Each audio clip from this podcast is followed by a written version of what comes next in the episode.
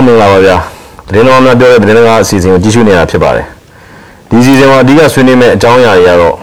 ပြီးခဲ့တဲ့တစ်ပတ်အတွင်းကမြန်မာနဲ့ပြည်ပြည်ဆိုင်ရာမှာထုတ်လွှင့်ခဲ့တဲ့သတင်းတွေကိုကျွန်တော်တို့သတင်းသမားတွေကနေပြီးတော့သတင်းသမားရှုထောင့်ကနေပြီးတော့ပြန်ပြီးဆွေးနွေးကြမှာဖြစ်ပါတယ်ဒီဘက်အတွက်ဆွေးနွေးဖို့ဖိတ်ခေါ်ထားတာကတော့ Sky Daily News က editor ချုပ်မတ်တော်လာဝင်ဖြစ်ပါတယ်ဟုတ်ကဲ့ပါဟုတ်ညီမတို့ Sky Daily News Media ရဲ့ editor ချုပ်တော်တော်များများဖြစ်ပါတယ်ရှင်နောက်တစ်ယောက်ကတော့မြန်မာ Nation Voice က editor ချုပ်ဦးဝင်းမောင်ဖြစ်ပါတယ်ဗျ ဟုတ်ပါတယ်ဦးဝင်းမော်ပါမြန်မာ Nation Voice ရဲ့ editor ချုပ်ပါခင်ဗျကျွန်တော်တို့မြန်မာ Hot Dot သတင်းဌာနရဲ့ editor ချုပ်ဦးအောင်မင်းဖြစ်ပါတယ်ဗျဆိုတော့ကျွန်တော်တို့ကဒီတစ်ပတ်ကတော့ကျွန်တော်ဘာမှမဆွေးနွေးခင်နေကျွန်တော်တို့ဘာလို့ပြီးခဲ့တဲ့အပတ်ကဆွေးနွေးတဲ့အထဲမှာကျွန်တော်တို့ပြောလိုက်တဲ့ဟို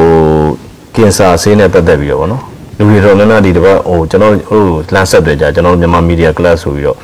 အဲ့ဒီလမ်းဆက်တွေကြသတင်းသားမှပြောတဲ့သတင်းသားအစီအစဉ်ကလားမြန်မာမီဒီယာကလပ်ကလားအဲ့လိုလမ်းဆက်တွေကြ အဓိကနေရက်ဆက်တယ်အချိန်ဘလောက်လဲအချိန်90ကျော်ဆက်တယ်နော်တနေ့ဖုန်း4 5 6ချိန်9ချိန်အဲ့လိုမျိုးပေါ့နော်ဆက်ဒါတွေပြီးတော့ဒါပဲမေးတယ်ဟာကင်ဆာဆေးကတကယ်လားပျောက်ပြီလားကျွန်တော်တို့ဘယ်လိုဟင်းလေးဖြစ်လို့ရလဲဘယ်လိုရှာလို့ရလဲပါဆိုတော့အဲ့တော့ကျွန်တော်တို့က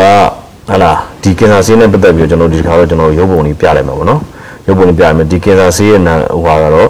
GEN PERLI ပေါ့နော်ဂျန်ပါလီခေါ်တာပေါ့နော်သူ့ရဲ့ဒီ American name ကျတော့ DOSTAR LIMAB Dostalamp ပေါ့နော် GHLY ဂါရှိခေါ်မှာပေါ့နော်ဆိုတော့အဲဒီဆေးဖြစ်ပါတယ်ဆိုတော့ဒီဆေးက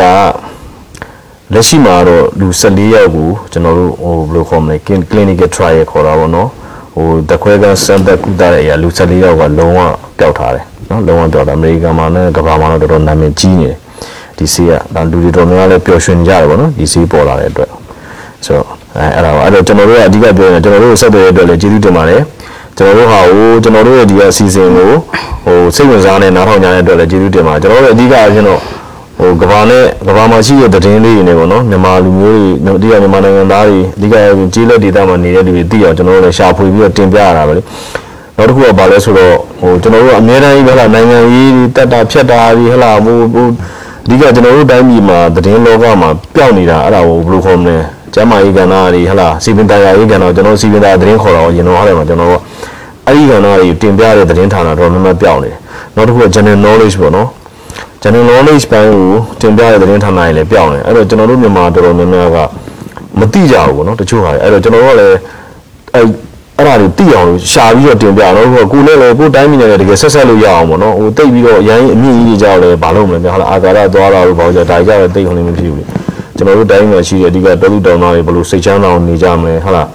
အသက်ရှိအောင်ဘယ်လိုနေကြမလဲဘယ်လိုစားတော့ကြမလဲဟာလာကျိုးရှိမဲ့ဟာပေါ့အဲဒါလေးကိုဟိုလိုဖြစ်တာပါအဲ့ဒါကြောင့်မလို့ကညီမရောဒီဘက်အတွက်အားပါလာတယ်။ညီမတို့ဒီတစ်ပတ်ကျတော့ဟိုပါလေအခုဈေးကွက်ထဲမှာလည်းဟိုတကယ်ဟိုနာမည်ကြီးနေတာပေါ့နော်။စောင်းစီပြက်လက်မှုတွေပြီးလို့ရှိရင်ဈေးအစမတန်ပေါ့နော်။ဟိုတတ်မှတ်ထားတဲ့ဈေးနှုန်းထက်ဈေးကပိုမြင့်ပြီးရောင်းနေတာတွေပေါ့။အဲ့ဒါလေးနည်းနည်းတော့ပြည်သူတွေအတွက်ကိုပေါ့နော်။ကြည့်ပြီးတော့ဒီကနေပြောပြပြောပြချင်တယ်ပေါ့နော်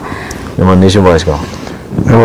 ဟိုဒီဒီကောက်ဒီဒီဘက်မှာဗာပြောချင်လဲဆိုတော့အချိန်နဲ့အမှန်တရားပေါ့ချိုးဟာတွေကတစ်ချိန်မှာအမှန်တရားဖြစ်မှာဒီချိန်နောက်တစ်ချိန်မှာအမှန်တရားဟုတ်ချင်မှဟုတ်တော့မယ်အဲ့ဒါနောက်တစ်ခုကတော့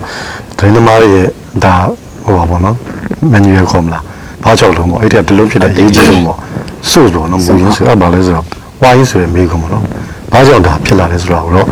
ချင်းကပ်ကြပါဆိုတဲ့ဟာကိုအဲ့လေးနှစ်ခုဆွေးနွေးကြပါမယ် ဘယ်ပေါ်ညီမစောင်းစီဆိုတော့ဒါဘာမြန်မာလူမျိုးစီမင်းမစားရဆိုတော့လေ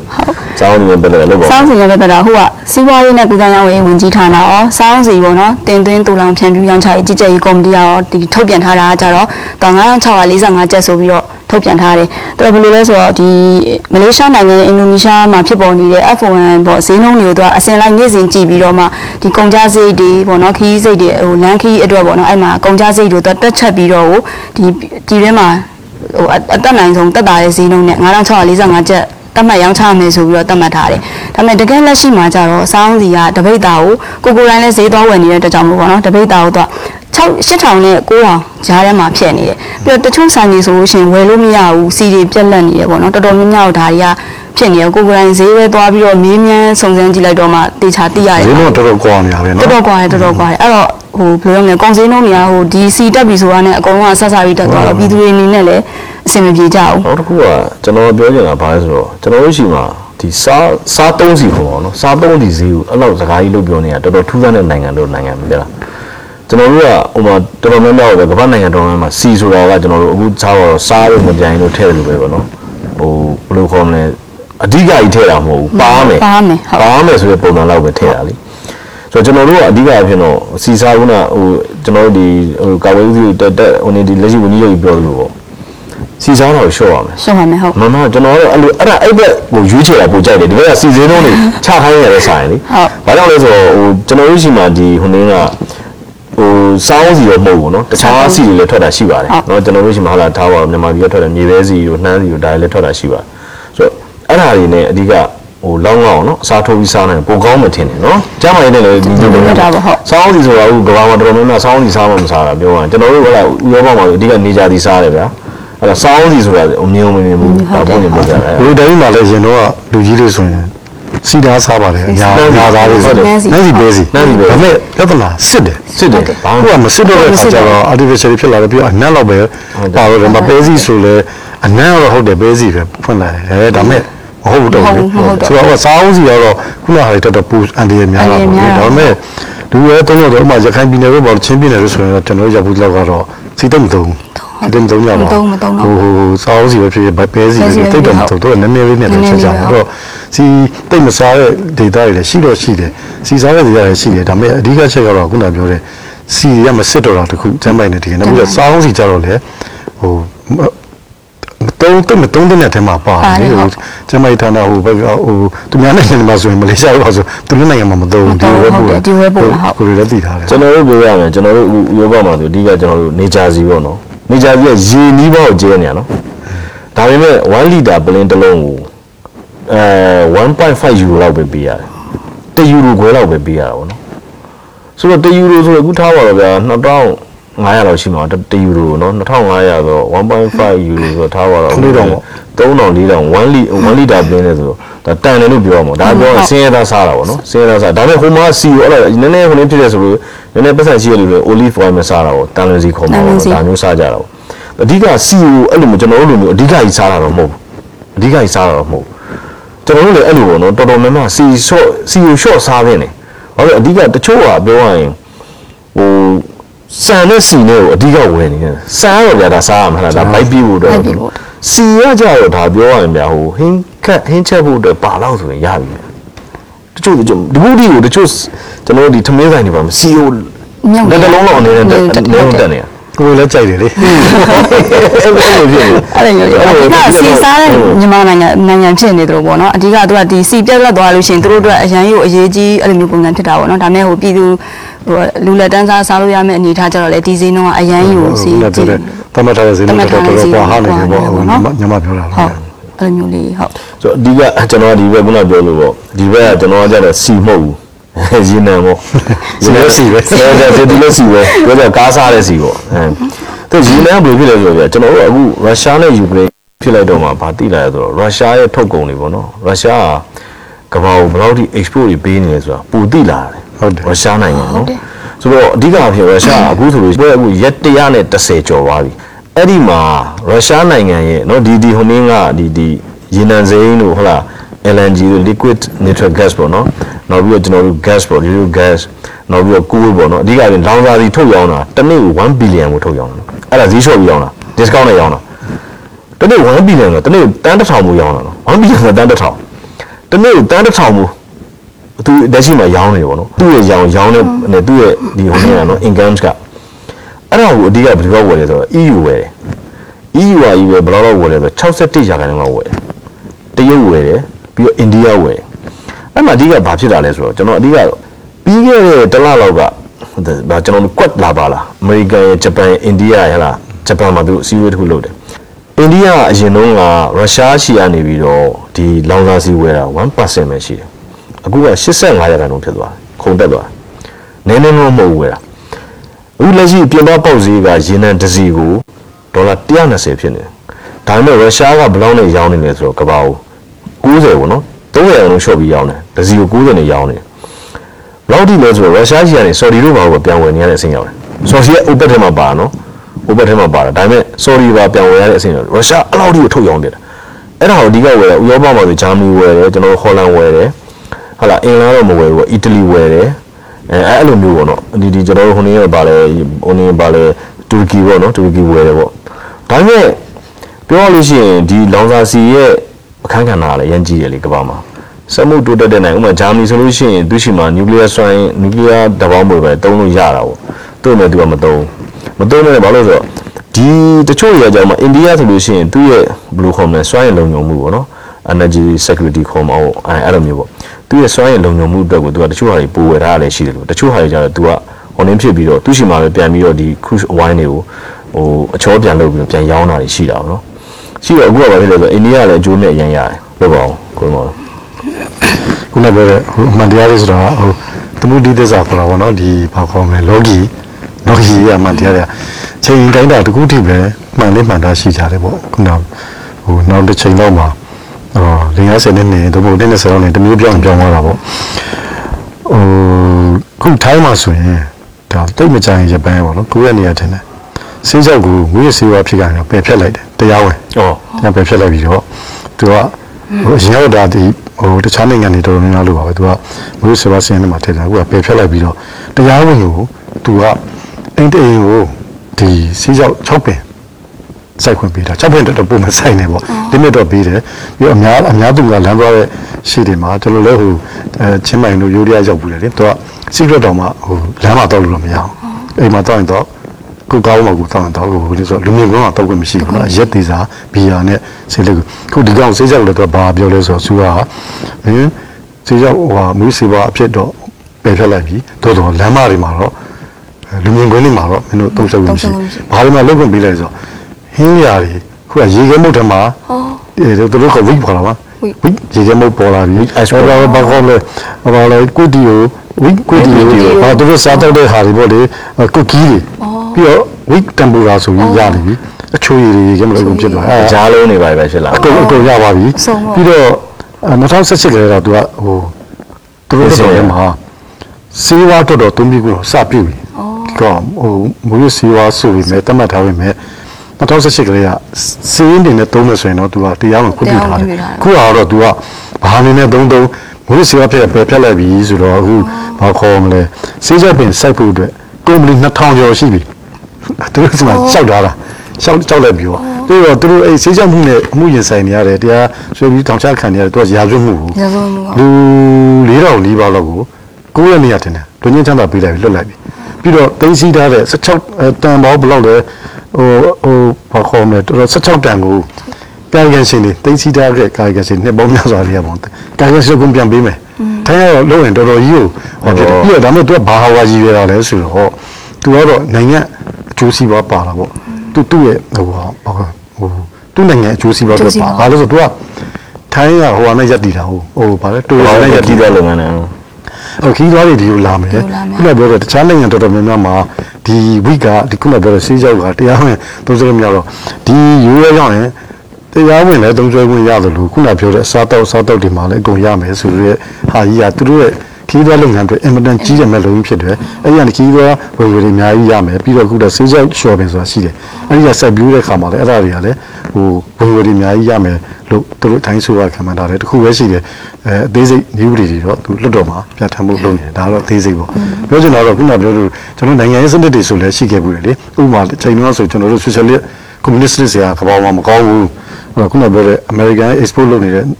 liberal democracy ကပါ တောင်းနေဆိုတော့အားလုံးဒီမိုကရေစီတောက်ကိုလိုက်ကြပြီးတော့ကျွန်တော်တို့တိုင်းပြည်တော်မှာပါတီစုံဒီမိုကရေစီဆိုတာကြီးကိုလုပ်ခဲ့ကြတယ်လေရှစ်ဆက်ချစ်ကစပြီးတော့ဒါပေမဲ့အဲ့ရှစ်ဆက်နောက်ပိုင်းမှာပဲတဖြည်းဖြည်းချင်းပြိုလဲသွားတာပါလဲဆိုတော့ရုတ်တရက်ကူးပြောင်းတဲ့ကူးပြောင်းတဲ့ဒီမိုကရေစီကူးပြောင်းတဲ့နိုင်ငံတွေဟာဘုံဘုံလဲလဲကုန်တယ်ဒီဒီဒီမြန်မာလွယ်လို့ဟုတ်တယ်ပိုပြိုပြိုပြိုကွဲကုန်တယ်ပေါ့လေအဲ့တော့ဟိုဘာခေါ်မလဲဒီစနစ်တစ်ခုက အမြဲတမ်းမှန်တယ်မှန်တယ်မဟုတ်မင်းတို့ကခုနကပြောတယ်နော်အမှန်တရားတွေလည်းရတယ်သမုဒိအမှန်တရားတွေပေါ့နော်ဒီဒီဒီဟိုလောကီအမှန်တရားတွေဆိုလည်းအချိန်တိုင်းတာတစ်ခုတည်းပဲမှန်တယ်နောက်နိုင်ငံရေးစနစ်တော့လို့အခုဆိုရင်ဟိုဟိုသူတို့ပြောခဲ့တဲ့အင်မတန်မကောင်းပါဘူးလို့ဟိုတရုတ်ဖော်ခဲ့တဲ့စနစ်တွေဖြစ်တဲ့ communist တွေ socialist တွေဆိုတာအခုအင်မတန်ထိပ်တန်းရောက်နေထိတ်တန်းရောက်တာဟုတ်တယ်ဗမာပြည်အင်ဂျင်နီယာနိုင်ငံပဲကြည်လောဗမာပြည်တော့အများကြီးစင်နာမြေပါလိမ့်စီရစားနော် Communist ပဲတရုတ်ဗီယက်နမ် ဟုတ်တယ်အဲခုနပြောတော့ဒီဒီအင်ဂျင်နီယာနိုင်ငံတွေပေါ့ဒီ communist state ကိုကျင့်သုံးတဲ့နိုင်ငံတွေကအင်မတန်တည်တည်ငြိမ်ငြိမ်စူးစီးပြီးနဲ့တည်တယ်အဲ့ဒါပြောချင်တာအရင်ဆုံးဘာမှပြောတာတည်ငြိမ်တယ်တည်ငြိမ်တာပေါ့နိုင်ငံရေးတည်ငြိမ်တယ်ဟိုသူတို့ရဲ့စီးပွားရေးနိုင်ငံရေးတစ်ခုတည်ငြိမ်တဲ့ခါမှာသူတို့ဖွံ့ဖြိုးတိုးတက်လာကြတယ်။ဘာလဲဆိုတော့အဲ့ဒါကိုတချင်ကမားတယ်ပြောခဲ့တဲ့စနစ်တွေကအခုအောင်မြင်နေပြီးတော့ခုနပြောတဲ့ liberal တွေကမှန်ပါတယ်ဆိုတဲ့စနစ်တွေကစနစ်တွေကခုခုမားနေတယ်တည်ငြိမ်မှုမပေးနိုင်ဘူးအဲ့ဒါပဲအချိန်တိုင်းတာအမှန်လောကီမှန်တရားတွေဟာအချိန်တိုင်းတာတစ်ခုထိပဲမှန်ပါတယ်ဆိုတာတွေကိုခုနထိုင်းရအေးအဲ့စစကအခုပြောလိုက်တဲ့အဲ့စီးကြောက်ဆိုတာနဲ့ပတ်သက်ပြီးတော့အဲ့ဒီဟော်လန်မာကအဲကြားဘူးတယ်အဲစီးကြောက်ကပြောရရင်မှန်တယ်သူကလည်းစီးကြောက်နဲ့ကျွန်တော်တို့ဒီဟော်လန်ကတူရီဇင်တွေကိုဆွဲဆောင်လာတာကျွန်တော်တို့အဲ Real Life Square ဘောအမ်စတာဒမ်မှာဆိုလို့ရှိရင်တော့သူအဲ့မှာစီးကြောက်ကကျွန်တော်တို့ တလိပ်ကိုအနည်းလောက်ပါမယ်ထင်တယ်ဘယ်လောက်လဲဂရန်100ကျော်လောက်ပါမယ်အဲ့ကောင်က7ယူရိုလောက်ပေးရတယ်ဥရောပတဲ့လုံးမှာရှိတဲ့စီးကြောက်သမားတွေတော်တော်များများဒီခုဒါတွေ6လပိုင်းကျွန်တော်နေရာဒီဝင်ပြီးတော့ဥရောပမှာအကုန်လုံးအဲဟိုလန်လာကြရင်စီးကြောက်ကောင်းကောင်းချကြတယ်သူကလည်းအပြောအဲစီးကြောက်ကနေဝင်နေနေတော့မဟုတ်ရတာတအိမ်ကိုကိုးပင်လာမသိဘူးတရားဝင်စိုက်ခွင့်ရှိတယ်ဩစိုက်ရင်စိုက်မစိုက်ရင်နေပေါ့နော်ဒါပေမဲ့အဲ့ထက်ပိုစိုက်ရင်တော့ဒါရာဇဝဥဥပဒေရာအကျုံးဝင်တယ်ပေါ့ အဲ့တော့တော်တော်များများဘာလို့ကြရလဲတချို့တွေဒါဒါကျွန်တော်ပြောပြမယ်ဟိုဟိုဘူးတုဒ္ဒပါနော်ဘူးတုဒ္ဒပါသူကအဲ့ဒီစေးကြောက်စိုက်တဲ့ကုမ္ပဏီတွေကသူစေးကြောက်စိုက်မှန်းသိရင်သူကတက်ဆောင်ရတာပေါ့ဆောင်ရတော့ဘာလုပ်လဲဆိုတော့တခါလေကြာရင်သူအိမ်နေခွဲပြီးတော့ရော့မင်းကိုးပင်ဆိုင်မင်းကိုးပင်ဆိုင်ကိုးပင်ဆိုင်တွေသူကအဲ့လိုလုပ်တယ်လုပ်ပြီးအဲ့ကနေပြီးတော့ပြန်ခူးတယ်ဒါပေမဲ့တချို့အိမ်တွေကျတော့ဘာလုပ်လဲဆိုတော့ထက်ခိုးတွေပေါ်မှာထက်ခိုးတွေပေါ်မှာသူကအဲ့စေးကြောက်ပင်စိုက်ထားလိုက်တာအဲ့အိမ်ကိုရော့မင်းတို့တစ်လောက်2000တော့2000ပေးမယ်မင်းမစိုက်ထားလိုက် ရဲကဘယ်လိုဖမ်းလဲဆိုတော့အဲ့ဒါကိုသူတို့ကဟိုနေ့နဲ့ဟိုလျှက်စစ်မီနဲ့မီတာနဲ့ဖမ်းတာဩဒီမှာလူနေရနှစ်ယောက်တည်းမီတာကကျလာတယ်သူကအလင်းကတော့မြင်ပေးထားရတယ်အပေါ်မှာသူကအကုန်လာဆင်သွားတယ်ဟုတ်နော်ဒါဆင်သွားပြီးတော့မှ3လဆိုလို့ရှိရင်အမတော်တော်မို့တစ်လပြီးပေးရမို့3လရော3လကို1000ဆို1000ရော3လဆိုင်မယ်3လပြီးရတယ်ငါတို့အကုန်လာသိမ်းသွားမယ်ရောမင်းတို့1000 1000ဆိုအဲ့လိုမျိုးတွေလောက်ကြတာပေါ့နော်ဒါပေမဲ့တော်တော်များများအဲ့ဒါတွေကိုလက်ခံတာကပြောရရင်လည်းမကောင်းဒါပါတော့ ကျွန်တော်တို့ဒီကသွားတဲ့လူတွေလည်းတော်တော်များများဖမ်းမိကြတယ်ပေါ့နော်အဲ့လိုမျိုးတွေဖမ်းမိပြီးတော့အိမ်နေရာတွေပျောက်ကုန်ကြတွေရှိတယ်အဲ့လိုဖြစ်လိုက်ရင်အိမ်မှာသိမ်းလိုက်အောင်အိမ်မှာသိမ်းမှာပတ်စံရမှာဆိုလောက်ကြတာပေါ့နော်အဲ့ဒါအတွက်ပွဲသားတွေလည်းရှိတယ်မပွဲသားရေပွဲသားရနေဟာစောက်စိုက်မလားစိုက်မယ်သူဟာ3လလောက်နဲ့1000 2000ရမှာကင်လိုက်ပါလုံးလိုက်ပါဆိုရင်သူအဲ့လိုမျိုးတွေလောက်ကြတယ်အများကြီးရှိတယ်ဆိုတော့အဓိကကျွန်တော်ပြောချင်တာပါလဲဆိုတော့မှန်ပါတယ်စေးကြောက်ကသူတို့ရှိမှာကျွန်တော်တို့ဒီဥရောပမှာသူတို့ကပါလဲဆိုကင်ဆာအောင်ပျောက်တယ်ဆိုပြီးတော့အယူရှိတယ်လေနောက်ပြီးအမေရိကန်မှာလည်း တချို့ပြည်နယ်တွေမှာတရားဝင်ဟုတ်တယ်ပေးနေပြီနော်ဟုတ်တယ်ဟိုတနိုင်ငံလုံးသာမဟုတ်သေးတာမှန်တယ်ဟောခေါ်လာမှာဆိုရင်ကဖေးဆိုလို့ရှိရင်ဒါမဝင်တော့နဲ့အဲ့ဒါစေးကြောက်ဆိုင်စေးကြောက်ဆိုင်ကိုကျွန်တော်တို့ကဖေးလို့ခေါ်ဥမာကဖေးလို့တော့ကဖေးဆိုင်အားလုံးကဒါစေးကြောက်ဆိုင်နေပြီပဲကျတော့ဝယ်လို့ရတယ်အဲ့ဒါမျိုးပေါ့ဒါပေမဲ့သူက16နှစ်တော့ကြော်ရတာပေါ့နော်ဟိုခုနပြောလို့လေကျွန်တော်တစ်ချိန်တော့ကဖေးဟုတ်တယ်ကော်ဖီက ဘာနဲ့မတည့်ဘူးဘာနဲ့မတည့်ဘူးနောက်တစ်ခါနောက်နှစ်သုံးနှစ်နေတော့တစ်ခါအတဲ့ပြန်တဲ့ပြန်အောင်ဟုတ်တယ်ဒီမှာ espresso လဲအဲဘာဘာဘယ်လိုကောင်းတယ်ကောင်းတယ်ကောင်းတယ်နောက်တော့အမုံမုံဘာ side effect တွေရှိရရှိတယ်အနောက်သုံးနှစ်လောက်ကျတော့ espresso ပြန်ကောင်းမြန်အောင်ပြောချင်တာတော့နောက်ခုနပြောချင်တာတော့အများတန်းကြီးတော့အမှန်တရားတမတ်တရားတိတ်ရှိပြီဆိုတော့ပြောပါအောင်ရောရောဟုတ် အဲပြောရမယ်ဆိုတော့ခုနအကိုပြောရတဲ့ဟာတော်တော်လေးကိုဘဝတိတရတယ်ပေါ့ဟုတ်နော်မတည်သေးတဲ့အကြောင်းအရာတွေလည်းဒီမှာအများကြီးသိရတယ်ဟုတ်အဲအခုနမူးမစ်စေဝါနဲ့ဆက်ဆက်ပြီးတော့ညီမဟုတ်အခုဒီဇွန်လ26ရက်နေ့မှာကြာရောက်မယ်အပြည်ပြည်ဆိုင်ရာမူးမစ်စေဝါရဲ့သူကအစာပိုင်းဖြစ်ပေါ်လာတဲ့အကြောင်းအရာတွေနည်းနည်းအတူချုံလေးပြပြခြင်းတယ်ပေါ့နော်ဒီဥစ္စာအဲ့ခုဒီအပြည်ပြည်ဆိုင်ရာမူးမစ်စေဝါအလွဲသုံးမှုနဲ့တရားမဝင်ရောင်းဝယ်မှုတိုက်ဖြတ်ရေးနေကိုပေါ့ BNN မှာပေါ့နော်သူ1989ခုနှစ်ထဲကဒီဇွန်18ရက်ကနေပြီးတော့26ရက်နေ့ဆိုပြီးတော့တတ်မှတ်ပေးထားတာသူက အခုဇွန်လ26ရက်နေ့ဆိုပြီးတော့ဘယ်လိုဖြစ်လို့တတ်မှတ်တတ်မှတ်ထဲဖြစ်သွားလဲဆိုတော့ဒီဟူမင်ကိုဟူမင်မြို့ကိုသွားရဲပေါ့နော်ဥရောပဘိန်းကုံတဲတွေတည်ယူလာတဲ့ဘိန်းတွေကိုအဲဇွန်လ26ရက်နေ့မှာပဲမီးရှို့ဖျက်ဆီးတာမီးရှို့ဖျက်ဆီးပြီးတော့အဲဒီသူတို့အတွက်အောင်မြင်မှုပေါ့နော်အောင်မြင်မှုအနေနဲ့အမြဲတမ်းတတိယအောင်ဆိုပြီးတော့သူကဇွန်လ26ရက်နေ့ကဒီအပြည်ပြည်ဆိုင်ရာမှုရေးစီဝါအလွဲသုံးမှုနဲ့တရားမဝင်ရောင်းဝယ်မှုတိုက်ဖြတ်ရေးနေ့ဆိုပြီးတော့တတ်မှတ်လိုက်တာပေါ့နော်အဲဒီအတွက်ကိုဒီ26ရက်နေ့မှာဒီ ပစ္စည်းတွေကိုမိရှို့ဖျက်ဆီးတယ်ဖန်ဆီးရမိတာတွေကိုမိရှို့ဖျက်ဆီးတယ်ပေါ့ပြီးတော့အကျိုးအနေနဲ့လည်းဒီကျောင်းတွေပေါ့နော်ဒီသက်ဆိုင်ရာဌာနတွေမှာလည်းဒီပွဲတွေအခမ်းအနားတွေပေါ့နော်ကျင်းပခဲ့တယ်ပေါ့နော်အခုဒီနှစ်ကတော့ညီမသိရတဲ့လောက်ကတော့ပေါ့နော်ဒီလိုက်ပြီးလေးလာကြည့်ရတဲ့လောက်ကတော့နှစ်နှစ်ကထက်ကိုဒီနှစ်ကိုပို့ပြီးတော့များမလားလို့ဖျက်ဆီးမှုအရေးအတွက်ကလေဘာလို့လဲဆိုတော့အခုဖန်ဆီးရရှိမှုတွေပေါ့နော်အွန်လိုင်းမှာလည်းအများတန်းတက်လာတယ်ဖန်ဆီးရရှိမှုတွေကအရန်အောင်များနေတယ်အမန္တလေးကအများဆုံးပဲ မန္တလေးရပြီးတော့ရှမ်းပြည်နယ်ဒုတိယပေါ့နော်ရှမ်းပြည်နယ်ညီမလေးလာတဲ့လောက်ကတော့ပေါ့နော်ရှမ်းပြည်နယ်ပြီးလို့ရှိရင်ဒီကချင်ပေါ့သူတို့ကအရန်ကိုအဲ့မိရဖမ်းဆီးရရှိမှုတွေတော်တော်များတယ်အဲ့ဒီတော့ကိုပေါ့နော်ဒီနေ့ဒီဇွန်လ26ရက်နေ့မှာဒီဖြတ်စည်းမှုကမနစ်ကထက်အရေးအတွက်နည်းနည်းများမလားလို့ညီမလေးလာတဲ့လောက်ကတော့သိရတယ်ပေါ့နော်နောက်တစ်ခုကကျွန်တော်ကဒါဟိုနေပေါ့နော်ဟိုတ အမေရိကန်ပြီးတော့အင်္ဂလန်ဘက်ကိုလှည့်ကြတာဒါကတော့ဗာလဲဆိုတော့တချို့ကျွန်တော်တို့ကြားနေရပါတော့တချို့ထိုင်းနိုင်ငံတွေဝင်ပြီးတော့ဒုက္ခသည်ခံမယ်ဒုဒုက္ခသည်အနေနဲ့တတိယနိုင်ငံသွားမယ်ပါညာဆိုတဲ့လူတွေအတွက်အိမ်မဆိုးပေါ့ဗျာပြောရရင်တော့ဗာလဲဆိုတော့အင်္ဂလန်ကအခုကျွန်တော်ပြီးခဲ့တဲ့အပတ်တရင်လာနေရစပြီးကျင့်သုံးပြီးတော့လုပ်နေပြီပေါ့သူ့နိုင်ငံမှာအဆိုင်လန်လာခံတဲ့လူတွေကိုယဝနာကိုပို့မယ်ယဝနာနဲ့စာချုပ်ချုပ်လိုက်ပြီစာချုပ်ချုပ်ပြီးတော့အဲ့ပြီးခဲ့တဲ့အပတ်တနင်္လာနေ့ကနေပြီးတော့သူလေရင်တစည်းစပို့လိုက်ပြီးတော့ လူခွင့်အဖွဲ့ရတော့ဘာညာဘာညာပြောတော့ဟလာဒါမျိုးလုံးလုံးမရဘူးလေဘာညာတော့အဲ့ဒီလိုမျိုးလုပ်ငန်းတွေကိုစလုပ်တော့ဩစတြေးလျပေါ့နော်ဩစတြေးလျကသူ့နိုင်ငံကိုဝင်လာတဲ့လူတွေတရားမဝင်ဝင်လာတဲ့လူတွေအားလုံးကိုအဓိကပဲအဆိုင်လန်ခံတဲ့လူတွေပေါ့နော်လူတွေအားလုံးကိုသူကဘာလုပ်လဲဆိုတော့ပါပူဝါနယူးဂီနီနဲ့စာချုပ်ချုပ်ပြီးတော့အဲ့မှာကျွန်းတကျွန်းငှားပြီးတော့အဲ့ကိုပို့တယ်အဲ့ကိုပို့ပြီးအဲ့မှာလာအဲ့မှာသူတို့ကြီးက immigration officer လာစစ်မယ်။ okay မင်းကမှန်တယ်ဟာမင်းကတကယ်လက်ခံနေတယ်လို့သူတို့လက်ခံလိုက်မယ်သူတို့ကျွန်းသူတို့ရဲ့နိုင်ငံကိုခေါ်သွားမယ်ဆိုပေါ့။အင်္ဂလန်ကအဲ့လိုမဟုတ်ဘူး။ तू က तू အနေကဟို Boris Johnson ကသူကဘာပြောလဲဆိုတော့ငါတို့တွေတဲ့ဒီ Brexit မှာခွဲထွက်တဲ့တဲမှာအဲ့ဒီဟာတခုလည်းပါတယ်ပေါ့လေ Brexit မှာဆက်ပြီးထားနေလို့ရှိရင်ဥရောပတွေကိုလာရမယ့်လူအားလုံးကငါတို့ဘာခွဲတန်းယူနေရမယ်ပေါ့ဒုက္ခတွေအောင်လို့ပြောရရင်ကမ္ဘာမှာဒုက္ခတွေကိုလက်မခံရင်ကြတော့ဘူးနော်အဲ့တော့ အဲ့ကိုပို့မယ်ဆိုတော့တော်တော်များများတချို့ဆိုလို့ရှိရင်အင်္ဂလန်နေပြန်ထွက်တဲ့လူတွေပါတော့ရှိနေဒါပေမဲ့ပြန်ထွက်ဖို့ဆိုတာမလွယ်ဘူးပေါ့နော်တချို့ကျတော့အဲ့လိုပတ်စံရှာပြီးတော့လားငါတို့တိုင်းပြည်ပြန်တော့မယ်ဘာညာဆိုတဲ့လူတွေလည်းရှိနေဒါပေမဲ့ဒီအချိန်မှာတော့ဘာဖြစ်လဲလူခွင့်ရေးအဖွဲ့တွေရဲ့အကောင်းဆုံးချိန်တွေဟာဟာဒါမျိုးလုံးလို့မရဘူးလေလူသားတွေကိုဒီလိုပို့လို့မရဒါပေမဲ့ပို့တာဟိုနေ့ကဖြစ်တာသူတို့ဘာဘူးစန့်ကျင်တာစန့်ကျင်တာပဲဆန္ဒပြတာဆန္ဒပြတာပဲပို့တာဦးလေရင်တစည်းသွားပြီဒီမှာတော့ဘယ်သူမှမသွားခြင်းကြမဘူးသွားချင်ကြဘူးသူကပြောဟုတ်ပြီမင်းတို့တိုင်းပြည်မှာမလုံခြုံဘူးမလားတဲ့အင်းရောင်းနာမှာလုံခြုံရမယ်လေတဲ့ ရတယ်ရောင်းနာတော့မင်းတို့မင်းတို့ဘာအင်္ဂလန်ကိုလာမလာပေါ့လေဆိုတဲ့ပုံစံမျိုးဆိုတော့အဲ့တော့ဘာဖြစ်လဲဆိုကျွန်တော်အဲ့ဒါကြောင့်ကျွန်တော်စဉ်းစားကြည့်တယ်ဗျအရင်တော့ဆိုလို့ရှိရင်ကျွန်တော်တို့ဒီ88တို့2000ခုတို့ပြီးကနေရဟိုဖြစ်ပြီးကြတာတော့ဆိုရင်အင်္ဂလန်တို့ပေါ့မြန်မာတန်ရုံးရှိမှာဆန္ဒပြရည်တန်းစီနဲ့တဝက်ရက်ခံတာလေအဆိုင်လက်ခံမှုတော့ပေါ့နော်အဲအုံးနေချင်းလိုက်ပဲအခုအင်္ဂလန်မှာတိတ်ပြမတွေ့ရဗျရောင်းနာရောက်မှကြောက်လို့လားမသိဗျဟုတ်တယ်ဆိုတော့အဲ့တော့အဲ့လိုနေရာမျိုးကိုပို့မယ်ဆိုတော့ကျွန်တော်ထင်တာကတော့ဒီဟိုနေ့မှာ ဟိုအင်္ဂလန်မှာဒုက္ခတွေခံမဲ့လူတွေအတွက်ကတော့ဒါအိမ်မက်ဆိုးပဲပေါ့နော်အိမ်မက်ဆိုးပဲဒါပေမဲ့ဒီ EU ဘက်မှာတော့အခုအထိတော့ဒီဒုက္ခတွေတွေအတွက်တော့ဟိုရွှေခေတ်တော့ဖြစ်နေတော့မယ်ပေါ့နော်ဒါပေမဲ့တော်တော်များများတော့ဟိုကတ်နေတဲ့မှာပဲထားတော့ကြသူတို့ရဲ့လူဖွဲ့စည်းတဲ့ကိုမထည့်ကြတော့ဘူးဟော်လန်တို့ပါလို့ဟော်လန်မှာလည်းတော်တော်များများကဒီဒုက္ခတွေကို ပြီးခဲ့တဲ့ကျွန်တော်တို့3-4နှစ်ကတော့သူကန့်နေတောင်ဖြတ်တာတွေလုပ်တယ်ကျွန်တော်ဒီဂျာမနီနယ်သားမှာရှိတဲ့ကန့်နေတောင်ဖြတ်တာလို့ဆိုတော့တော်တော်များများဒုက္ခတွေကိုလက်မခံနိုင်ကြတော့ဘူးပေါ့နော်ပြောရရင် UNHCR ရတဲ့ပတ်စံကနည်းနည်းသူတို့တိုင်းပြည်ကပြန်ပြီးပေးရတာများများပေါ့နော်အဓိကကတော့တချို့ကဘာလုပ်တာလဲဆိုတော့တချို့နိုင်ငံတွေကအလုပ်သမားလိုအပ်တဲ့နိုင်ငံတွေရှိတာပေါ့နော်အလုပ်သမား cheap labor ခေါ်မှာပေါ့သူတို့ရဲ့ native တွေမလုပ်ချင်တဲ့အလုပ်တွေလုပ်ဖို့အတွက်ခေါ်တာပါညာဒါပေမဲ့လည်းအခုကတော်တော်များများက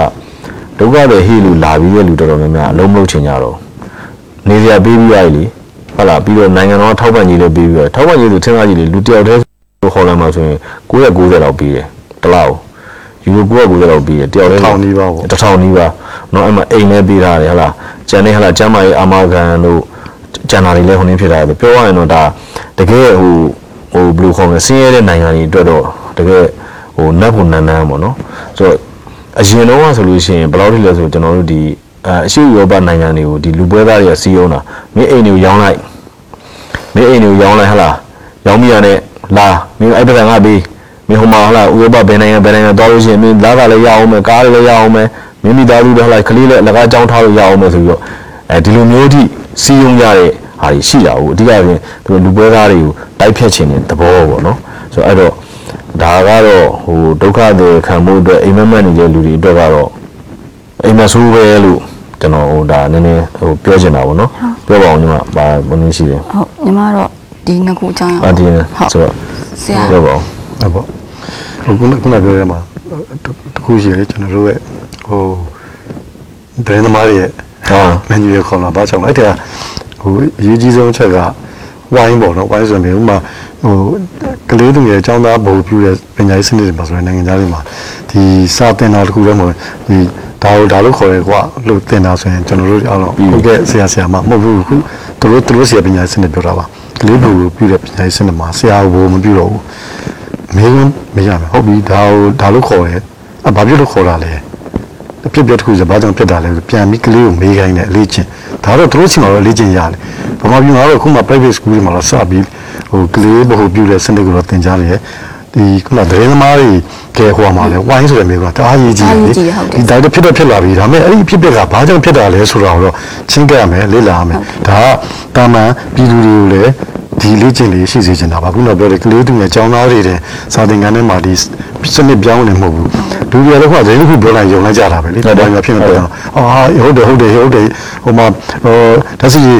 ကုန်တော့မေဒါဆိုင်တော့တူကူလာတော့တန်းနေစီကြကုန်တော့ဟုတ်ရလားဘာကြောင့်ဖြစ်တာလဲဒါအမျိုးမစင်စားကြတော့ဘူးခုနပြောတဲ့တရင်ရဲ့မူရင်းဆိုးဆိုလိုက်မယ်ဘာကြောင့်ဆိုတော့လိုက်မယ်ဆိုရင်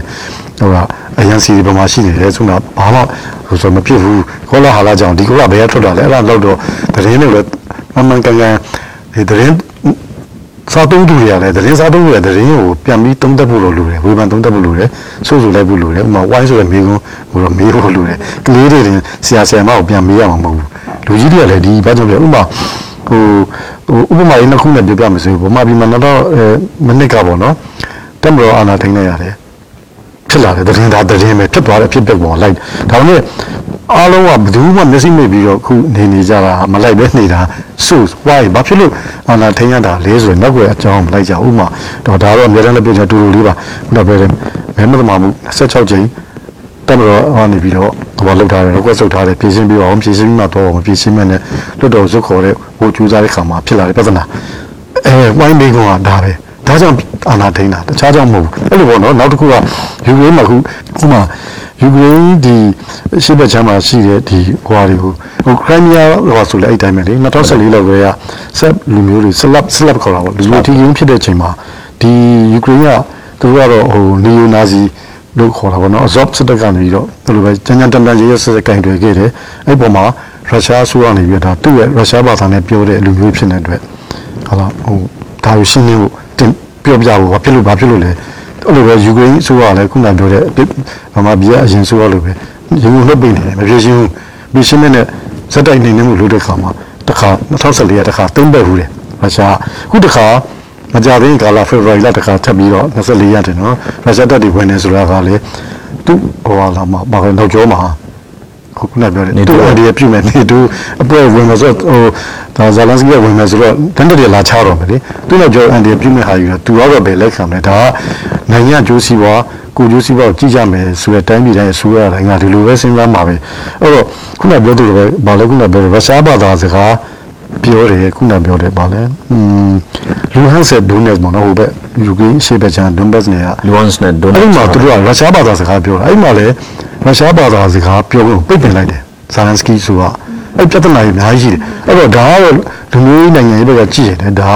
ကရုရှားကိုပမာမခန့်လုပ်တယ်သူသူ့ရဲ့ဟိုဟိုအဲ့ဒီမှာနေနေတဲ့ရုရှားတိုင်းရင်းသားတွေကိုဒါမထိမဲ့မြပြည့်တယ်အနိုင်ကျင့်တယ်ပေါ့နော်အဲ့ဒီပြဿနာတွေရှိတယ်ခုနပြောတဲ့မျိုးအစောတက်တွေရတယ်ကျန်ကျန်ကျန်အဲ့မှာ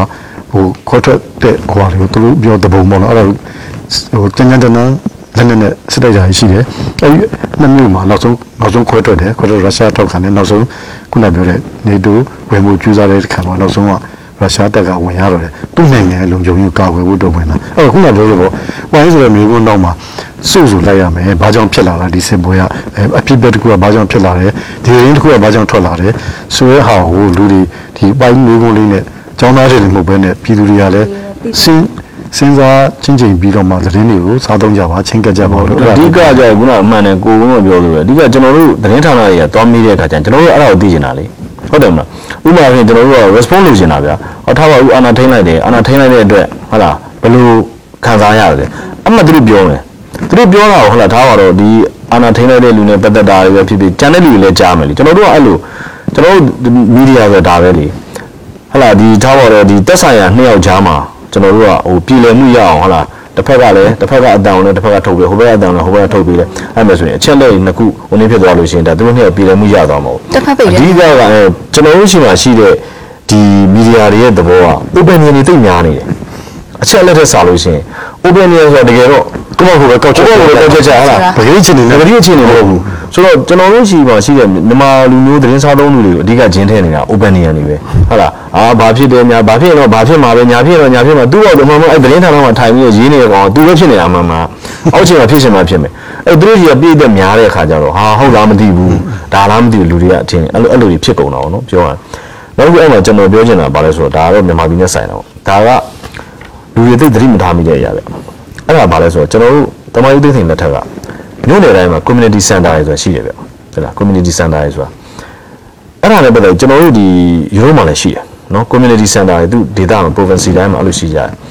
အဲ့ဒီ community center တွေမှာအဓိကအဖြစ်တော့ဟိုလူငယ်တွေရဲ့ဟာလာဟိုဘယ်လိုခေါ်မလဲတိုးတက်တိုးတက်ကြောင်းတွေအဲ့ဒါလူငယ်တွေချင်းချင်းအဲ့မှာတွေ့ဆုံမှုတွေအများနဲ့ဖွင့်နေတာဒီတကားဖွင့်နေကြတယ်နောက်တစ်ခုကဘာဖြစ်လဲဆိုတော့ဒုက္ခရောက်နေတဲ့လူတွေကိုအဲ့မှာပဲကူညီတာတွေပေါ့နော်ထားပါအဝိစာအဝိစာဝင်လာတာပဲဖြစ်ဖြစ် ဟိုထားပါတော့မနှက်စာကျွေးရပဲဖြစ်ဖြစ်ဒါမျိုးတွေဟိုအလူရှင်တွေကလာလို့ကြတယ်ကျွန်တော်မြန်မာပြည်မှာတော့တွေ့ရပါလဲဆိုတော့တတိပုဂ္ဂလလှူတာတော်တော်များတယ်ဗျာနော်ထားပါတော့ဟာဒီရုပ်ကမှရှိတဲ့လူတွေကိုမရှိစင်းသားတွေကိုကျွန်တော်တို့ကစံလေးလူမယ်ဆိုလူတယောက်ကလာလူပြန်အောင်မင်းမင်းသားလည်းဖြစ်ရင်ဖြစ်မယ်တတိတကြော်လည်းဖြစ်ရင်ဖြစ်မယ်ထားပါတော့ဗျာဟာလာထီပေါက်တဲ့လူတွေဖြစ်ရင်လာလဲမယ်ဒါတွေကကဘာမှဘယ်လိုမှမလွတ်ပြတာဘူးဒီလိုကြော်တဲ့ကျွန်တော်သွားလူလို့မယ်မလှူမလားလှူမယ်တို့ဒီမှာအလူခံတဲ့ဌာနရှိတယ်နော် အဲ့လိုသွားလူတာကိုလက်ခံလိုက်ရခြင်းအပြင်ကျွန်တော်တို့တိုင်းပြည်ရဲ့မှာပြဿနာတွေနည်းနည်းဖြစ်တာတော်တော်များဖြစ်တာဒါပဲလူရဲလူလာလူလိုက်တယ်လူပြီးရင်သူပေါက်ခဲ့ပြောမယ်ဟုတ်လားထားပါတော့နိုင်ငံရေးအကြောင်းလည်းပြောရင်ပြောမယ်သူဟောလားဟိုဂျီနီအောင်လည်းပြောရင်ပြောမယ်အဲ့တော့သူရဲ့ personal interest တွေကိုတိဆောက်တာတွေဖြစ်နေတယ်ဒီဒီဒီဟိုနေကနေဒီ platform ကနေပြီးတော့အဲ့တော့ကျွန်တော်တို့ကဖြစ်စီနေတာဘာလဲဆိုတော့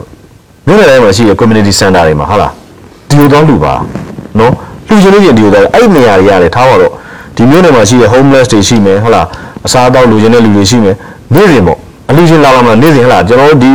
ဒီနေ့လေမနက်7နာရီကနေနေ့လေ10နာရီအထိဟလာထမင်းရမယ်စရရပြီနော်ထမင်းကျွေးမယ်ထမင်းတုပ်လေးတွေပြီးလိုက်အတောင်းမို့လည်းဘယ်ချက်ဘယ်ရက်ဘယ်ရက်မှာကျွန်တော်စောင်းနေဝင်မယ်အဲ့တော့ဘာဖြစ်လဲဆိုပူပြီးတော့ကျွန်တော်တို့ကစနစ်ကြတာဖြစ်တယ်လို့ဒါပြောရင်နိုင်ငံတော်ပူကျေးဇူးတင်တယ်ဟုတ်တယ်မလားဆိုကျွန်တော်ကျွန်တော်ဆိုလို့ရှိရင်ကျွန်တော်ဒီဟိုနင်းကိုဒီ ဒီသတင်းတင်တဲ့ကြောင်တက်ဖို့အတွက်ကျွန်တော်တို့ကဟိုနင်းလေးတွေလောက်ရတယ်ဗျ footage တွေတခုလောက်ရကျွန်တော်အဲ့ homeless တွေနဲ့ပတ်သက်ပြီးကျွန်တော်အဲ့ဒါနဲ့လုပ်မယ်ဆိုပြီးတော့ကျွန်တော်အဲ့အဲ့ footage ကိုကျွန်တော်ယူတာဘယ်ဂျီယန်ကြည့်ရတယ်ဘယ်ဂျီယန်ကနေကျွန်တော်ဘယ်ထိရောက်တယ်ဘယ်ဂျီယန်နယ်သက်ထိရောက်တယ်အဲ့က community center တွေသွားတယ်ဟာဒီကောင်တွေ homeless ဆိုတာဘယ်လိုလဲနောက်ပြီးကျွန်တော် Amsterdam အဲ့ဘူတာမှာအဲ့လေအဲ့ဒီကောင်တွေတညာလုံးထိုင်စကားပြောတယ်အဲ့လိုမျိုးပေါ့နောက်ကျကျွန်တော်လက်ခံတော့အဲ့ဟိုနင်းပေါ့ဗျာတော့7အကြောင်းရိုက်လိုက်ကြတယ်သူဟိုနင်းဖြစ်သွားတော့ထားပါအဲ့တော့ ဥရောပမှာဒီလိုမျိုးတရားတော့ဟိုငါပတ်စံရှိရဆိုပြီးအခုလာလာလာရေးဆိုပြီးအခုသွားလူလို့မရဘူးလူချင်းလားလူချင်း community center ကိုသွားလူ community center နဲ့ပြန်ပြီးတော့ distribute သူတို့လုပ်ပေးတယ်ပေါ့နော်။ကျွန်တော်တို့ရှိမှလည်း community center တွေရှိတယ်ဗျ။အဲ့ဒီ community center တွေကိုအသက်ဝင်စေခြင်းတယ်။ community center ကလူငယ်တွေအားလုံးရဲ့ recreation center ဖြစ်စေခြင်းတယ်။အဲ့ဒီ data မှာရှိတဲ့လူငယ်တွေအားလုံးအများနဲ့သွားလာလို့ဝင်ထွက်နေတဲ့နေရာမျိုးဖြစ်စေခြင်းတယ်။အဲ့ဒီ community center တွေကိုလည်း free လုပ်ပေးရတာဘယ်လိုလုပ်ပေးရမလဲဆိုတော့ကျွန်တော်တို့ဒီ အစိုးရနဲ့မပတ်သက်တော့ NGO ပုံစံမျိုးပေါ့နော်။အုပ်ချုပ်မှုတိုက်တာအဖွဲ့ကြီးဟုတ်လား။ဒီမျိုးနယ်မှာဆိုဒီမျိုးနယ် community center အတွက်ထိမ့်သိမ့်မှုစောင့်ရှောက်ဖို့လူရွေးမယ် since အနည်းဖြစ်တဲ့လူလားဒီကတက်တန်းကဘယ်လောက်ဒါမျိုးလေးပေါ့နော်ကျွန်တော်အဲ့ဒါဘလူးလေးကိုအနည်းကိုသိပြန်ကျွန်တော်အခုဒါအန်ဒီဒေါ်ဒေါ်တက်တက်ခိုင်ပေါ့နော်သူတို့တွေအနေနဲ့ဒါသူကလူမှုဟိုပါတော့လူပြေပြန်ဆိုတော့နော်ဆိုတော့အဲ့လိုမျိုးလေးစနစ်တကျလေးလှုပ်စီခြင်းတယ်လို့ဒါမှလာကျွန်တော်တို့ဘာဖြစ်လဲဆိုတော့ ကျွန်တော်တို့လူ့ဖွဲ့ကြီးကဟိုစနစ်ကြလာမှာပေါ့အခုကပတ်သက်ရှိရတော့ဟောလာလွယ်ဟာခေးစားလိုက်ကြဆိုတော့အဲ့လိုမျိုးလေးပေါ့ဒါလေးဒါကျွန်တော်အကြံပေးတာပါလောက်ပါအောင်ကိုဟုတ်ကဲ့ကျွန်တော်တို့ဟိုနောက်ဆုံးပိတ်ဟိုတုံးစံတိုင်းမှာတော့တည်င်းဌာနတွေ review လေးဟောလေးနဲ့ကျွန်တော်ဆုံးသက်လိုက်မယ်အဲ့တော့ဟိုတုံးစံတိုင်းပေါ့ခုခုတလောတွေကတော့ဟိုဗမာပြည်မှာနေတွေရောရန်ကုန်မြို့မှာရောအကြမ်းဖက်မှုတအားများတယ်ပေါ့နော်ဟိုပြီးရဲ့ဘက်ကဟောမှာဆိုလဲ ဟိုကျွန်တော်တို့ဆွေးနွေးကြတာမှာပါတယ်ဆိုတော့အဲဟိုမြန်မာတွေတော့ကလေးလေးမသူလဲစင်းစီစီအဲလူမျိုးချင်းတွေပါတက်ခံနေတယ်ပါလာပြီပြီးခဲ့တဲ့ရပိုင်းရပဲဒီအဲဒေသရှင်တရုတ်ဆောင်ဘာတူလဲရင်လက်ရှင်လက်တို့ဒုတိယချိန်တော့ဘုံလာထောင်ပါတယ်ကွဲတော့မကွဲဘူးမိုးရွာနေတဲ့အတွက်သူရမှုဘုံလို့ခေါ်တယ်ဘာခေါ်လဲဖုန်းနဲ့ဖုန်းနဲ့ဟောလို့တဲ့ဘုံကမ ကွဲတော့မကွဲဘူးဒုတိယချိန်ဖြစ်ပထမချိန်ကအတန်ဘုံကွဲတယ်အန်ဒီတော့သိမရှိလားခုကတော့ဘုံကအန်ဒီရရှိတယ်ကြီးတယ်တကယ်ဘုံဒါပေမဲ့သို့တော့သူတို့ရဲ့အဲ့ဟာဖြစ်ပြီးတော့မကွဲလိုက်ဘူးပေါ့နော်အကြောင်းကြောင့်မိုးရွာလို့လားဒါဘာကြောင့်လဲမသိဘူးမကွဲတော့မကွဲလိုက်ဘူးဆိုတော့ဒုတိယချိန်တော့ဖြစ်လာပြီပေါ့နော်အစိုးရအနည်းငယ်ချိန်နေသက်ပါဟိုလွတ်လာပြီဆိုတာရင်လဲဆိုရင်ဒါတမ်စစ်ကားတွေရိုက်ပြီးတဲ့ဘာညာအတွက်ပေါ့လေထားပါတော့အဲဟိုကျန်တဲ့ခုနရင်ကြီးဆိုလဲသူသူ ပြည်လဲကိုဝေဖန်ပြီးလို့ဆိုတော့အနည်းညာရှင်တွေကသူတို့မတောက်ခံရင်ဒါမှမဟုတ်ရင်ဒီ MRTV တို့ဘာလို့ ਨੇ ဟလာအစိုးရနဲ့လှုပ်လို့တယ်ဟိုဒါမှမဟုတ်တမလို့တောက်ခံနေဆိုရင်သူတို့ကယူဆမတူဘူးဆိုတာသူတို့ဘက်မှာမရက်ဘူးဆိုတာ ਨੇ အသက်အန္တရာယ်ပါလုံးချန်တဲ့ဒီဖြစ်လာပြီးတာမန်အုပ်ကြီးတယ်တွေမဟုတ်တော့ဘူးဟုတ်လားကိုဆရာဆရာမတွေလည်းမဟုတ်တော့ဘုန်းကြီးတွေလည်းလောက်ကြံပြီးခုဒီလူပညာရှင်တွေတော့လက်လာပြီတော်တော်လေးတိုင်းပြည်ကဟိုဘာခေါ်မလဲနှုတ်ဘက်တော့ စောင်းနေပါတယ်ဒါတိတ်ကောင်းတဲ့ကိစ္စတော့မဟုတ်ဘူးပေါ့နော်ဒါဟိုသတင်းထားရတဲ့ဘာတွေတင်လာကြလို့ရန်ကုန်မှာအဲဇင်းတွေစီမံချက်နဲ့စီပြီးလူငယ်တွေဟုတ်လားတရက်ထဲမှာ90လောက်ဖန်ခံလို့ပါလို့ဒါခေတ္တတော်တော့တင်တယ်ဒါပေမဲ့အဲဇင်းစစ်တယ်ဆိုတော့မှန်တိုင်းပြောတော့ကောင်းတယ်အဲဇင်းဥပဒေလည်းပြန်ပြီးဒီနတ်ဆကတက်လာလာခြင်းမှာဒီပြန်ပြည့်တယ်အသက်ဝင်အောင်ပြန်လုပ်ရှားတယ်အခု အသက်ဝင်လာအသက်ဝင်လာတဲ့သဘောရှိတယ်အဲ့တော့အချမ်းပဲအဖွဲ့အစည်းပါလေကုံမတော်တဆအဲဇင်းစင်နဲ့ပေါ်ကုန်တယ်လို့သူတို့ပဲသူတို့တင်ထားနိုင်ပဲရေးထားတယ်စစ်တော်အဲဇင်းစစ်တယ်ဖုန်းတွေယူစစ်တယ်ဘာတွေစစ်လိုက်စောဆိုင်စစ်လိုက်တဲ့ခါမှာခုနကပြောမမလင်ကပြားစစ်တဲ့ခါမှာခုနပြောတဲ့ဟိုအန်ဒီရရှိတဲ့ data နဲ့ရောက်လာတဲ့မပေါ်လင်ကပြားစုပူပြီးစစ်လိုက်တဲ့ခါမှာ PPC စစ်တဲ့ခါမှာအဲဇင်းနောက်မှာနောက်ကမှဘာတွေပါမိလာလဲဆိုတော့ချမ်းပဲဖွဲ့စည်းတွေမိလာကြတယ်ယောက်ျားလေးနဲ့မိန်းကလေးတွေဒါတွေကတော့နောက်ဆုံးဟိုဘာသတင်းဆောင်မှာတင်နေပါတယ်အဓိကတော့ချမ်းပဲ တကိစ္စကလည်းနည်းနည်းနည်းနည်းနည်းနည်းပြောရင်ပြောရင်ပြောရင်လည်းများလာတယ်ညာပေါ့လာပြီဟုတ်တယ်ကဲကျွန်တော်အဲ့လေးနဲ့ဆိုတော့ခဏအကိုမသိငယ်လေးကျွန်တော်တို့တခုတော့ပြည့်တဲ့ကိုပြောချင်တာကျွန်တော်တို့အဲဒီကမြန်မာမီဒီယာကလပ်ကိုဆက်သွယ်တာကျေးဇူးတင်ပါတယ်နော်အဲ့လိုပေါ့ကျွန်တော်တို့ကလည်းအဓိကကဟိုကျွန်တော်တို့ရဲ့ကျွန်တော်တို့အခုလို response လေးတွေပေးတာလေးတွေကျွန်တော်တို့ဟာကျွန်တော်တို့ရဲ့ဒီစကားပြောပွဲလေးကိုနားထောင်တာလေးတွေသိရတယ်ဆိုတော့ကျွန်တော်တို့ပို့ပြီးတော့လည်းဝမ်းသာပါတယ်ဆက်သွယ်ပါကျွန်တော်တို့ဘယ်လိုကိစ္စမျိုးဆိုအဓိကအဖြစ်ပေါ့နော် ဟိုမိမိတို့ဒေတာမှာဖြစ်ပျက်နေတာလေးတွေဟဟလားဒါပေမဲ့ကျွန်တော်တို့ကတော့ပြောရရင်တော့ကျွန်တော်တို့ကဟို hit တိုင်တော့မဟုတ်ဘူးပေါ့နော်ကျွန်တော်တို့တချို့ဟာလေးတွေကတော့ပြောလို့ရပါဟာဒီနေ့ဆိုလို့ဒီဒီဒီတစ်ပတ်ဆိုရင်ကျွန်တော်တို့ကင်ဆာနဲ့ပတ်သက်တာလေးတွေသူတို့သိကျင်ကြတယ်သူတို့ကျွန်တော်တို့ဟလာဒီအစာပိုင်းမှာလည်းကျွန်တော်တို့ဒါပြထားပေးပါတယ်ဆိုတော့ဆက်သွယ်ကြပါဆက်သွယ်တဲ့အတွက်လည်းကျွန်တော်တို့ကျေးဇူးတင်ပါတယ်နော်အဲကျွန်တော်အဲ့ဒါလေးပြောကြတာပါဟိုဟုတ်ရဲ့အဲတော့ကျွန်တော်တို့ရဲ့ဝေဖန်ဆွေးနွေးမှုတွေကိုနားဆင်ပေးကြတဲ့အတွက်ကျေးဇူးတင်ပါတယ်ကျွန်တော်တို့ရဲ့ဆွေးနွေးမှုတွေမှာ ထုံးစံတိုင်းပေါ့နော်ဟိုမတော်တဆချမ်းတဲ့စကားလုံးတွေပါပိုင်းဖြစ်စေပုဂ္ဂိုလ်အတိတ်စိတ်မဲ့စကားလုံးတွေပါပိုင်းဖြစ်စေဘာသာတရားတွေမလေးမစားများပြောမိဆိုမိတာပါခဲ့ရင်တောင်းပါပါတယ်ကျွန်တော်တို့ရဲ့သတင်းမှာပြောတဲ့သတင်းစကားအစီအစဉ်ကိုတာဝန်ထုတ်လွှင့်ရတာတော့ MRTV နဲ့ MNC ကျွန်တော်တို့ရဲ့မြန်မာမီဒီယာကလပ်ကဖြစ်ပါတယ်မြန်မာမီဒီယာကလပ်ကိုဆက်သွယ်ခြင်းနဲ့ဆိုရင်တော့ဖုန်းနံပါတ်399669 343ကိုဆွတ်တယ်နိုင်ပါတယ်လို့ပြောကြရင်လည်းကျွန်တော်တို့ဒီတစ်ပတ်စီစဉ်ဒီကိုချုပ်ပါတယ်ခင်ဗျအားလုံးကျေးဇူးတင်ပါတယ်ကျေးဇူးပါကျေးဇူးပါ